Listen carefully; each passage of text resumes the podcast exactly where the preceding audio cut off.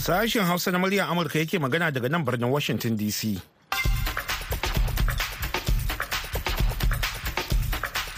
Masu sauraro Assalamu alaikum da fata an tashi lafiya. Baba Yakubu makeri ne tare da Ibrahim Almasi Garba da sauran abokan aiki muke farin cikin kasancewa da ku a wannan shiri na safiyar yau Litinin 27 ga watan Fabrairun shekarar 2023. Kafin ku ji abubuwa da muke tafe da su ga Ibrahim da kanun labarai. To baba, hukumar zaɓen Najeriya ta fara bayyana sakamakon babban zaɓen ƙasar a matakin jihohi tun jiya Lahadi. Mutane uku sun mutu sannan takwas sun ji raunuka bayan da wani jirgi mai saukar ungulu na ƙungiyar tarayyar Afirka ya rikito a Somalia. Sannan Amurka ta sake ayyana yankin ruwan Crimea a matsayin wani fanni na ƙasar Ukraine. Kanun labaran kenan. Kamar yadda ka ji a kanun labaran hukumar zaɓe ta inec a najeriya ta fara ba da sakamakon zaɓe a matsayin jiha. Jihar ekiti voters register ɗinsu bai kai miliyan guda ɗaya ba ma duk su a duk states na najeriya su suka fi karanci har nasara ma ta su yawa. To shi yasa ya zama kamar ma tradition kowane shekara duk zaɓen da aka za ga su suke fara zuwa. To domin jin halin da ake ciki a kan zaɓe da aka yi a Najeriya yayin da ake dakon sakamakon zaɓe mun tattauna da wakilin Musani Sha'abu Malumfashi wanda ya raba dare a ɗakin tattara sakamakon zaɓe a jihar Katsina. Abin kashi biyu ne sai an fara tantance duk abin da kowace karamar hukuma su samu san kai da kanan su kuma sai su ɗauko da wannan cibiyar su zo nan na ƙarshe to a nan ne aka samu maskila shine ma ya sa har muka kai talatanan dare kafin su iso nan su zo su gabatar. Kamar kowace safiyar litinin yau ma muna tafi da shirin ciki da gaskiya wanda sarfila hashim gumal zai gabatar. Amma yanzu sai a gyara zama domin jin kashin farko na labaran duniya.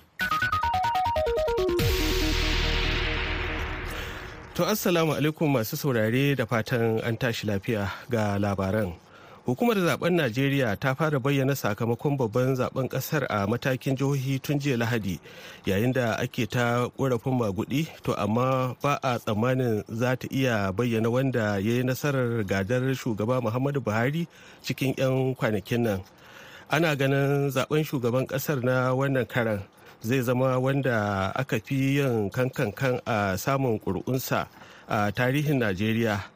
Inda 'yan takara daga manyan jam'iyyu biyu da suka shugabanci ƙasar a lokuta daban-daban tun bayan shudewar mulkin soja a shekara ta 1990 ke fuskantar wani irin kalubalen da ba a saba gani ba daga wata karamar jam'iyya wadda ke farin jini tsakanin matasa. Akan tattara ƙuri'un zaɓen shugaban ƙasa da na 'yan majalisa ne daga kowace daga cikin jihohi 36 na ƙasar kafin a tura sakamakon ga cibiyar tattara sakamako da ke abuja babban birnin ƙasar. Mutane uku sun mutu sannan takwas sun ji raunuka bayan da wani jirgi mai saukar ungulu wanda ƙungiyar tarayyar afirka au ke amfani da shi a somalia ya rikito jiya lahadi a yankin lowa sabele a cewar tawagar au da ke somaliya jiya lahadi. A wani bayani tawagar tallafawa gwamnatin wucin gadi ta somaliya ta ce jirgin wanda ke ɗauke da mutane goma sha ɗaya ciki har da wasu sojojin gwamnatin somaliya ya shiga wani atisaye ne da ake yi na koyon aikin kwasar waɗanda suka yi hatsari lokacin da shi ma ya hatsarin. Abin takaici uku daga cikin fasinjoji goma sha ɗaya da ke cikin jirgin sun rasa rayukansu. An kwashi sojoji takwas da suka samu raunuka zuwa birnin mogadishu don a musu jinya a cewar tawagar ta iyo a bayanin. Amurka jiya lahadi ta ayyana yankin ruwan kremia a matsayin wani fanni na ƙasar ukraine. To amma ta ce abin da aka fi damuwa a kai shine yadda sojojin ukraine za su sake kwato yankunan da ƙasar rasha ta ƙwace a wannan yaƙin da aka kwashe shekara guda ana yi. Wannan kalaman na zuwa ne a yayin zagayowar shekara ta tara da rasha ta haɗe yankin na crimea. Amurka bata amince da ikirarin rasha na haɗe yankin ruwan crimea ba kuma ba za ta taɓa amincewa ba. A cewar wato crimea yankin ukraine ne a cewar ma'aikatar harkokin wajen amurka a wani bayani. A lokaci guda kuma jack sullivan mai bayar da shawara kan harkokin tsaron ƙasa na gwamnatin joe biden ya gaya ma shirin meet the press na nbc cewa ukraine za ta iya yanke shawara kan ko mecece nasara. Ko kuma irin shiga tsakani a diplomasiyance da za ta amince da shi duk da cewa dai a yanzu haka babu wata tattaunawar zaman lafiya da ake yi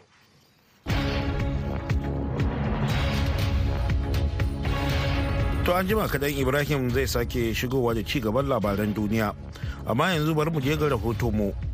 Hukumar zaɓen Najeriya mai zaman kanta ta karɓi sakamakon zaɓe da na shugaban ƙasa daga jihar Ikiti, wadda daman can ita ke fara isowa da sakamakon zaɓen ta. Shugaban hukumar Farfesa Mahmud Yakubu ya yi umarni da a nuna sakamakon kai tsaye ta allon lantarki. Daga Abuja ga Nasira da Ma'ali Kaya da ci gaban rahoto. Ekiti State has 16 local governments with total number of registered voters. Jami'in kawo sakamakon Farfesa Olabisi ya ce ƙananan hukumi goma sha shida ne a jihar Ekiti inda ya karanta sakamakon da jam'iyyar APC ta Bola Tinubu ta samu kuri'a dubu ɗari biyu da ɗaya da ɗari huɗu da huɗu inda PDP ta Atiku Abubakar ke bin baya da kuri'a dubu tamanin da tara da ɗari biyar da hamsin da huɗu sai Leba ta fita Obi ke zama ta uku da kuri'a dubu goma sha ɗaya da ɗari uku da casa'in da bakwai inda ta huɗu wato NNPP ta Rabiu Musa Kwankwaso ke da kuri'a sama da ɗari biyu da 'yan kai. Shugaban hukumar zaɓen mahmud yakubu ya ce an yi tsarin da za a samar da sufuri da ya hada da na jiragen sama don jami'an kawo sakamakon su iso abuja daga dukkanin jihohi don bayyana sakamakon. Kwamishina hukumar zaɓen muhammad haruna ya ce ba wata matsala ta zahiri da za ta kawo tsaiko ga gabatar da sakamakon daga farawa daga jihar ekiti. Jihar ekiti voters register ɗinsu bai kai miliyan guda ɗaya ba ma. Duk su a duk states na najeriya su suka fi karanci. Har nasarawa ma ta fi su yawa. To shi yasa ya zama kamar ma tradition kowane shekara duk zaɓen da aka za ga su suke fara zuwa. Malam Muhammad Haruna wannan ya nuna dai wataƙila a litinin ɗin nan za a samu jihohi da yawa. A yanzu da nake magana da kai akwai da dan dama da suka kai local government na suka kai state level ko. Amma sun ko da sun gama kafin su iso nan saboda nisan da yake. Kaga abin da shi ma ce ya ce wanda suke da nisa sosai akwai shirin da za mu yi a kawo su nan wurin. Saboda in sun ce za su zo ta mota a kila su daɗe a hanya. So ana akwai shirin da aka yi a samu dan jirgi ko air force haka sai a kawo su. Da shi collation officer muke kiransu. Tun da na presidency shugaban jami'an university da suke a state ba su suke yin na shugaban kasa ba. Su suke yin na gwamnoni. So as collation officers sai a shirya da su da rec president electoral commissioners na dace babban kwamishinoni na states sai su zo nan wurin. So shirin da ake ciki kenan. Shugaban hukumar zaɓen farfesa yakubu ya dage gabatar da sakamakon zuwa litinin ɗin nan da ƙarfe goma sha ɗaya na safe a agogon najeriya. Nasura da mailika murar amurka daga abuja najeriya. To a gaida nasura da mailika da wannan rahoto. Ana tare ne da sashen hausa na muryar amurka a birnin washington dc kai tsaye. Sannan kuma ana iya sauraren shirye-shiryenmu da suka gabata a shafukanmu na sadarwa da facebook da twitter da ma instagram. Yanzu ko ga ibrahim garba da ci gaban labaran duniya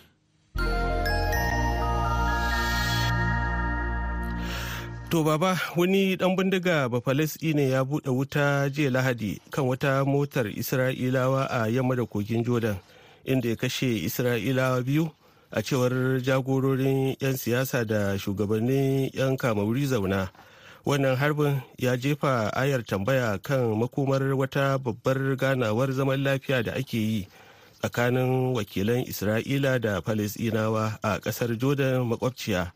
da zumar rage tashin hankalin gabanin watan ramadan mai tsarki ga musulmi wannan harbin ya faru ne 'yan kwanaki bayan da bato bayan wani mummunan samaman da sojojin isra'ila suka kai a wani birnin falasɗinu da ke kusa suka kashe mutane goma. Sojoji sun ce sun fara farauto shi maharan wanda ya buɗe wuta kan wata mota a babbar hanyar yammacin kogin jordan sannan ya tsere. Ministan tsaron isra'ila ya bayar da umarnin girke karin sojoji a yamma da kogin jordan ɗin. A wani mataki na farko majalisar ministocin isra'ila ta amince da wani tanaji nazartar da hukuncin kisa kan 'yan bindigar falasɗinu da ke kai munanan har-hare a ƙarshe kuma wata tawagar manyan 'yan majalisar dokoki larabawa ta gana da shugaban siriya bashar al-assad a birnin damashku jiya lahadi. Wata alama ta kyautatuwar dangantaka sama da shekaru goma bayan da aka mai da shi saniyar ware saboda rikicin siriya. Shugabannin majalisun dokokin iraki jordan falasino libya masar da haɗaɗɗiyar daular larabawa da kuma wakilai na ƙasashen oman da lebanon sun tafi siriya a matsayin wani ɓangare na tawagar gamayyar majalisun dokokin ƙasashen larabawa. Sun gana da 'yan majalisar dokokin siriya da shugaba assad a cewar kamfanin dillancin labaran siriya sana. Ba za mu iya tafiya ba tare da siriya ba. Haka zalika siriya ba za ta iya yin gaban kanta ba tare da yankin larabawa wanda take ciki ba a cewar shugaban majalisar dokokin iraki muhammad al-albusi.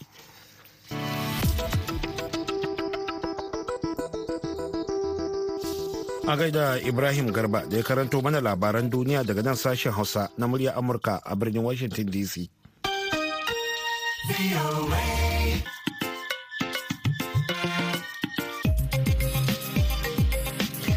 to madalla. Har yau dai hukumar zaɓe mai zaman kanta a najeriya ta inec tana ci gaba da karɓar sakamakon zaɓe tun daga matakin ƙananan hukumomi zuwa mataki na jihohi kafin isa helkwata a matakin tarayya.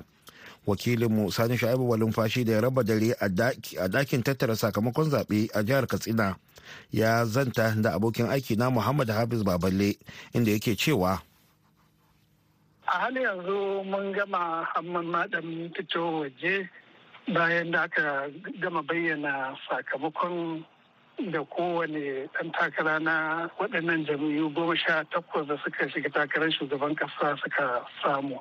Kuma ɗan takarar jam'iyyar pdp shine ya samu ƙuri'u mafiya yawa wanda ya kai dubu ɗari huɗu da tamanin da tara da arba'in da biyar wanda ya zo daidai da abin nan kashi arba'in da shida da ɗigo ɗaya bisa ɗari da yawan adadin ƙuri'un da aka kada. Shi ɗan takarar jam'iyyar APC yana tafe kusa da shi domin shi ya sami ƙuri'u dubu ɗari huɗu da tamanin da biyu da ɗari biyu da tamanin da uku. Shi Peter Obi abin da ya samu ya samu dubu shida ne da ɗari uku da saba'in da shida. Shi kuma dr abu kwankwaso na jam'iyyar nnpp yana da ƙuri'u dubu sittin da tara da ɗari uku da tamanin da shida. Wa'annan dama su ne su huɗu da ke kan gaba na adadin waɗanda dai ake ganin alamun taɓuka wani abu a cikin zaɓen da aka yi domin galibin wasu sauran ƙananan jam'iyyar nan daga mai ɗaya sai talatin da shida sai arba'in da ɗaya haka haka za ka same su. To ko an samu soke wasu akwatuna ko kuma wata karamar hukuma? Eh gaskiya an sami soke akwatunan zaɓe a cikin kusan ƙananan hukumar mulki har guda shida don akwai malamfashi akwai akwatunan zaɓe goma safa na goma kankara bakwai kafar sha biyu sai kuma waɗanda suke da irin ɗaiɗaiku ɗin nan wannan suna da ɗan dama haka. Amma dai jimlar ƙwararru da waɗanda aka yi wa rajista su ne dubu hamsin da ɗaya da ɗari uku da goma. To amma laifukan da suka yi shine a ringizan ƙuri'a wato adadin ƙuri'un da aka kaɗa sun fi adadin waɗanda aka yi wa aka tantance su na da su jefa ƙuri'u shine laifukan su. Wasu kuma inda aka yi faɗa ne aka nuna ƙarfi ko kuma aka nemi kamar tsura akwati. Waɗannan su ne laifukan da suka yi dalilin da yasa aka soke musu waɗannan rumfunan zaɓe ɗin ko ko akwatunan zaɓen da abin ya shafa. Aka soke kuma dama ka'idar zaɓen kenan duk inda aka sami irin wannan to za a soke ta. To ko an dan samu wata hatsani a ɗakin tattara sakamakon zaɓen na shugaban ƙasa? Eh an samu domin a hakikanin gaskiya an kusa gama komi duka lami lafiya to yan karamar hukumar mulki ta kafin su ne suka taho da wani bayani inda kurkun da ake da su yan dubunnai ne kaɗan kalilan amma suka ce a dole sai an yi domin a can wajen ɗakin tattara bayanai na ƙananan hukumomin mulki da aka yi a can. Don da wato abin kashi biyu ne sai an fara tantance duk abin da kowace karamar hukuma ta samu san kai daga nan su kuma sai su ɗauko daga wannan cibiyar su zo nan na ƙarshe to a nan ne aka samu mashkila shine ma ya sa har muka kai talatanan dare kafin su iso nan su zo su gabatar. To sai suka nemi a soki wannan saboda a dan menene shi ba zai zo da baturen zaɓe wato electoral officer nashi? Domin shi wannan shine kamar shugaba a wurin na karamar hukuma wanda ke kula da duka tashoshin zaɓen to kan wannan ne suka yi bayani shi musu to ku tsaya a gabatar. To bayan ana gabatarwa to kawai suka tashi suka fice suka ce su kuma su yadda ba. Kaji abin da ya faru kenan To Haji Sani muna godiya idan akwai wani ƙarin bayani za mu tuntuɓe ka. To madalla a gaida sani sha'ib malumfashi da wannan bayanin. Kada a manta wannan shirin na zuwa muku ne daga nan birnin Washington DC akan mitoci 16, 25 da kuma 31. A jamhuriyar Nijar ko za a iya sauraren mu a tashar mu ta VOA Africa kan mita 200.5 zangon FM. Baya ga haka a koda yaushe ake so a saurare mu za a iya zuwa shafukanmu na intanet. voahausa.com ko kuma sashen hausa.com domin sauraren shirye-shiryenmu. Yanzu kuma ga shirinmu na gaba.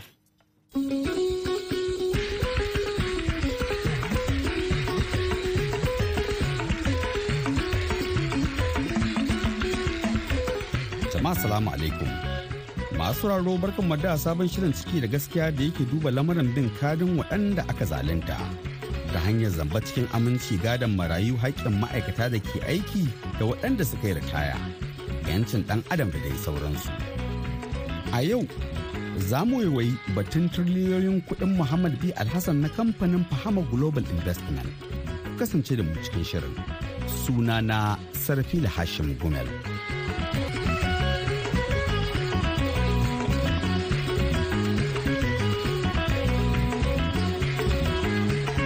Sabon shirin zai waiwayi batun ɗan kasuwar harkar man fetur ɗin nan Muhammad B. Alhassan daga jihar Nasarawa.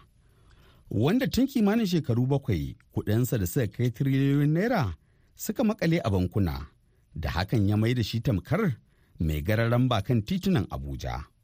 Don har na cefa ne yakan nema ya rasa. A baya kun je da hukumar EFCC ta ce za ta bincike lamarin don yi mana ƙarin bayani.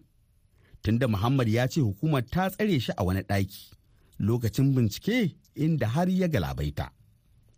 Kazalika ofishin ministan shari'a na Najeriya ya buƙaci a tuntuɓi hukumar kula da bayanan sirri na kuɗi don jin ainihin abin da ya makalar da wannan dukiya mai tarin yawa da yawanta ya kai kusan kasafin kuɗin Najeriya na shekara. Muhammad B. Alhassan ya dawo shirin nan riƙe da takardu daga wasu daga bankunan da kuɗaɗen suke, inda ya fahimci cewa umarnin wata babbar kotun tarayya ce a Legas. Bisa buƙatar gwamnatin Najeriya ya sa aka riƙe kuɗin. Alhamdulillah sunana Alhaji Muhammad B. Alhassan, ciyaman nan na Fahamu Global Investment Limited, wanda na kai korafina ga mutanen kasa da na ciki da na gida da na waje su kamu a gaji. Yau nan tun da aka shiga wannan shekara watan na farko Janawari kenan ko? To, na kai korafin kuma voice of america ta ɗauki magana nan taya da duniya gabaki ɗaya ga hali da nake ciki amma har yanzu nan ba wani magana da gwamnati na najeriya ko ta kira ni ko ta wani magana ba su ce mun komai ba Wato Muhammad daga wannan lokacin wayannan hukumomi da kake magana ka shin sun tuntube ka ko ka sake zuwa ka bincika halin da waɗannan kuɗin suke ciki? Eh na tafi bankuna na guda biyu zuwa uku. Abinda bankunan ta nuna min cewa akwai wani me yake kira takardar da aka kawo musu federal government ne ta rubuta musu cewa daga federal high court lagos. Da shi ne ya kawo musu a sa restriction a sa wannan restriction a cikin asusu na na bankuna na gaba ɗaya to wannan justi tg ringim shine wannan justin da ya kawo wannan takardar. An rubuta shi ne daga federal government. To so kuma bankuna ɗaya ɗaya daga cikin bankuna ya ce takardar da aka kawo yanzu nan federal government ne ta kawo musu wannan daga kotu. Saboda haka in kuɗi nan da sake kuɗi nan sai dai in je federal government ne za ta sake rubuta musu. Kunan guda nawa ne? Bankuna sun kai goma sha bakwai wani najeriya. Kuma duk waɗannan bankunan kana da ajiyar kuɗinka a ciki? Duk waɗannan bankuna goma sha bakwai manyan bankuna goma sha bakwai na kasa duka ko ajiya na agura a cikin asusu kudade ne ne hakki ne ne wanda aka sa. Amma in haka dai muhammad bin alhassan ne idan tun da akwai abin da kotu ta rubuta tun wancan lokacin kai me sa baka ɗau mataki a kai ba? Eh to ni san lokaci ne ne ba su gaya mun cewa wata kotu ne ta kai wannan takardan ba. Sai da magana ta kai kalubalo ta shiga cikin fage mutane suna kawo korafi su suna ce Allah wadar ya aka yi ne bankunan ɗaya daga cikin su ya ce eh ga shi fa dalilin da yasa muka kulle ma asusu. Sai kuma suka nuna mun takardan ga takardan da aka ba mu ba da sauran su ba ne amma ina sa a sake waɗannan kuɗaɗe gwamnati ta rubuta musu su za su sake waɗannan kuɗi. Shin a jikin takardar wani laifi aka ce kayi? To a cikin jikin takardar dai ba wani kwararren laifi ko ƙwaya ɗayan da suka ce ne a cikin abin ban mamaki za a gana cikin takardar ba su rubuta sunan fahamu global investment limited a cikin wannan takardar ba a cikin takardar ba su rubuta sunan muhammad babuji alhassan ba a cikin takardar sai dai sunan namban akamtin na nasu na kawai aka rubuta a ciki. Kuma lambobin da gaske su ne? Eh lambobin da gaske su ne. A cikin wannan takarda wanda aka rubuta gwamnatin najeriya wa ita ne kuma ta shiga da kara. Kuma bankuna na wasu ne kuma wanda su suna sun zama kamar defender kenan ciki. Su ne masu kariya. Masu kariya. To kuma waɗannan bankuna ya za a ce bankuna za su kare? Tun da ba kuɗaɗe ba nasu ba ne. Kuɗaɗen na wani su iya kamata ne a ce an sabin na da takarda ni kuma su zan kare kaina. A tambaye ni kuɗaɗen nan ya kai ka tara su? Ya kai ka same su? Tun da kuma wannan na riga na ke korafin ma gwamnati na nuna musu ga takardu ga kamfanin da muke harka da su na mai na ƙasashen da na yi na duniya da ƙasashen larabawa da ƙasashen kuma rasha da kuma nan gida wanda duk ayyukan da na yi gashi nan fili. Wanda mutum zai iya google nashi ya duba. Kuma duka kuɗaɗen sun zo kowanne ya zo da clearing hash kuma na riga na yi soft proof. To kuma ba ni da laifi babu komi kamar avia sun riga sun rubuta takarda cewa a sake mun kuɗi na dss da interpol duk waɗannan jam'an tsaro wanda suke bincike sun gama bincike su amma har yanzu nan ana cikin abu guda ɗaya. Ina kawo ina ta kuka ina ta kuka amma ina matsayi na ɗan najeriya. America fa ku tuna kuɗaɗe na suna zuwa daga gurin ba su walakanta ne ba. Sun san mutunci citizen ɗan kasa germany bata walakanta ne ba. Canada bata walakanta ne ba. China bata walakanta ne ba. Da sauraron ƙasashen duniya ba su walakanta ne ba. United kingdom bata walakanta ne ba. Neman da na black na dan nigeria. Amma wai gida kasana wanda iyayena da kakannina duk yan najeriya ne a yau a zana mun waɗannan cin fuska saka ce ni ne na kaina. Ƙungiyoyin kare haƙƙin ɗan Adam da mara bayan ƙungiyar ƙwadagon Najeriya NLC sun jagoranci bin bahasin batun tare da alwashin yin duk mai yiwuwa don fito da kuɗaɗen. Tunda mai kuɗin ya amince zai miƙa gwamnati gagarumin haraji na tiriliyoyin naira. Kwamar Nasir Kabir na ƙungiyar ƙwadago da ke jagoranta wasu ƙungiyoyin kare haƙƙin ɗan Adam ya shiga bincike bayan samun bayanan ɗan kasuwar. Da gaske ne kafin ma mu fara wannan bincike a dan shekara bakwai wannan abu ya faru kuma muke ta bi. Abin da ya ba mamaki shine shi ofishin wato ministan shari'a wato attorney general akwai wasiƙar da dama muka rubuta mar cewa tabbatar da cewa mun samo wato sahihan wato shaidu. Saboda haka bayan mun rubuta sai ya rubuto mana cewa ai wannan rubutu da muka yi shi bai ma san komai ba wato yana ce mana ya rubuta efcc kuma efcc sun ce ba su suka rufe wannan kuɗi ba. To abin da zai baka mamaki alai nasiru sai muka tashi muka fara bin wato bankunan nan da wannan bawan allah ya ajiye kuɗaɗensa. Sai muka gano cewa a bankin eco bawan Allah nan yana da kuɗaɗensa a gurin sai muka ga cewa sun rufe wannan kuɗi. Muka ce musu ah wai waye ba ku ma umarnin rufe wannan kuɗi? To abin da zai baka mamaki sai suka ce ba za su iya magana da mu ba sai dai mu rubutu a rubuce. Wanda muka rubuta a rubuce a sai gashi reply ɗinsu sun nuna mana cewa ai wannan kuɗaɗe to shi ministan shari'a shi ya rubuto musu wasiƙa da kuma wato takarda daga kotu cewa lallai lallai su rufe wannan kuɗaɗe. A muna da wannan takarda na kotu inda akwai wanda ake kira wato justice a tijjani da yake federal high court a lagos a tijjani wato ringim shi ya ba da wannan umarni kuma shi ministan shari'a nan shi ya shigar da wannan magana aka ba da wannan court order to abin da zai ba muka mamaki a cikin takardar ne kuka gani ko kuma kun samu wasu bayanai ne na daban. A cikin wannan takarda muka gani a laina su yawa bisa da shaidar wannan takarda. Yawa bisa shaidar wannan takarda ga yanzu magana da nake da kai ga takardan kotun a hannunmu inda suka rubuta suka ce a rufe wannan kuɗi. To abin da zai baka mamaki shine ina aka taba kuɗi na na banki yana ajiye a tafi kotu a je a ɗau takardar da za a rufe wannan kuɗi ba a sanar da ni ba kuma ba a rubuta mun ba kuma abin da zai baka mamaki a takardar nan babu laifin da na yi. Kenan babu laifin da shi wannan ba Allah yi. A wannan takardar da kotu ta bayar wannan court order babu wani laifi. Kuma ina mai tabbatar ma Alai Nasiru babu wanda zai fito ya wadanna yawa Najeriya ƙaryan cewa yana binta irin wannan makudan kuɗaɗe da yanzu ba a shi ba. To ina mai tabbatar maka zalunci aka shirya a ci mutuncinsa a wulaƙanta shi kamar yadda na gaya maka ran da aka kama shi sun tafi da shi ne babu gaira babu dalili da muka ji haka na je ni ina daga cikin da suka karɓo shi. Da muka je menene laifinsa? Efcc ba su iya gaya mana ba. To muna kiran shugaban kasa tunda ya gaya 'yan najeriya shi shugaba ne adili to ya fito ya tabbatar mana da adalcinsa.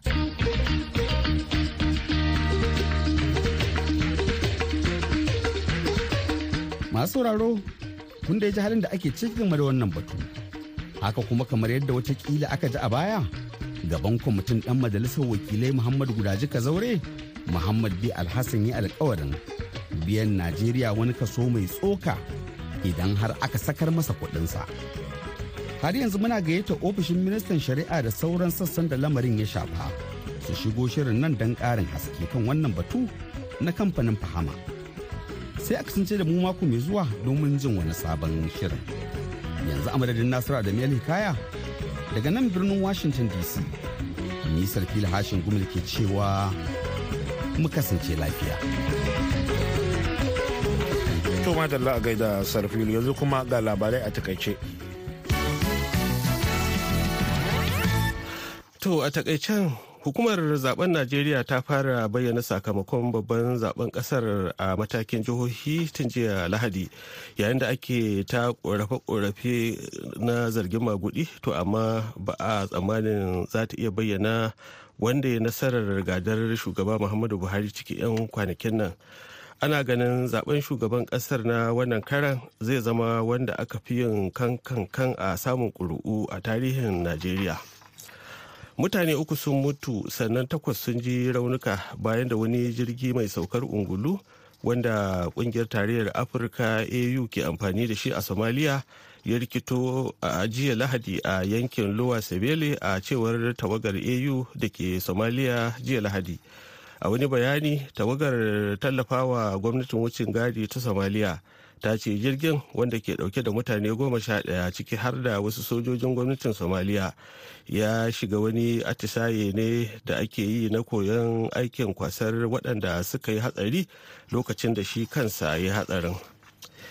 Amurka jiya lahadi ta ayyana yankin ruwan crimea a matsayin wani fanni na ƙasar ukraine. To amma ta ce haka ba wannan shine matsalar sojojin ukraine a wannan lokacin ba. Amurka ta amince da ikirarin rasha ko bata amince da ikirarin rasha na haɗe yankin ruwan crimea ba kuma ba za ta taɓa yi ba.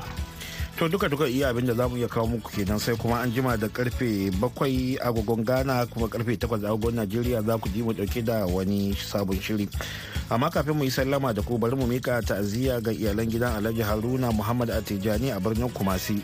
Musamman ga shugaban ɗarikan tijjaniya na ghana shak abdulwadud harun na rasuwan dan uwansa alhaji hussein ofa harun wanda aka wato alhaji hussein kenan da aka fi sani da alhaji ofa.